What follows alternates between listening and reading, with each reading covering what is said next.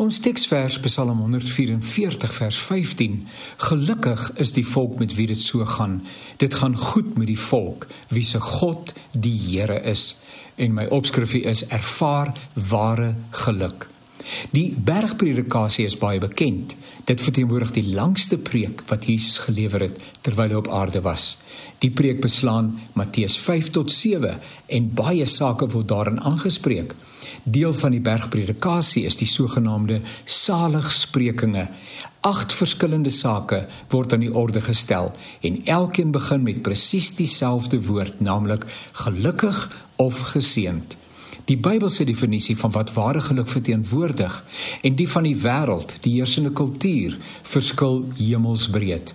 Meeste mense sal geluk as genoeg geld in die bank, 'n goeie posisie by die werkplek, liggaamlike gesondheid en aanverwante dinge beskryf.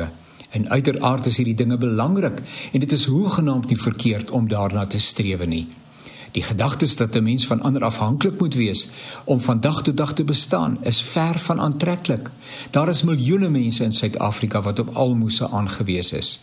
Wese is Die Here is vir ons goed en die meeste van ons dink nie twee keer oor waar die volgende bord kos vandaan sal kom nie.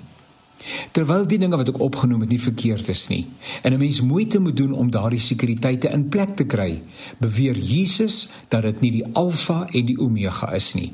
Ware geluk bestaan in ander dinge. Dit bestaan ten diepste in 'n lewe wat aan God toegewy is en op die nood van ander ingestel is. Dit is 'n lewe van prysgawe, van opoffering en van mededeelsaamheid. Dit is om die belange van uh, die wat op die kant staan op die hart te dra en te sien hoe jy 'n verskil kan maak. Waarin lê die geluk en die seën dan opgesluit?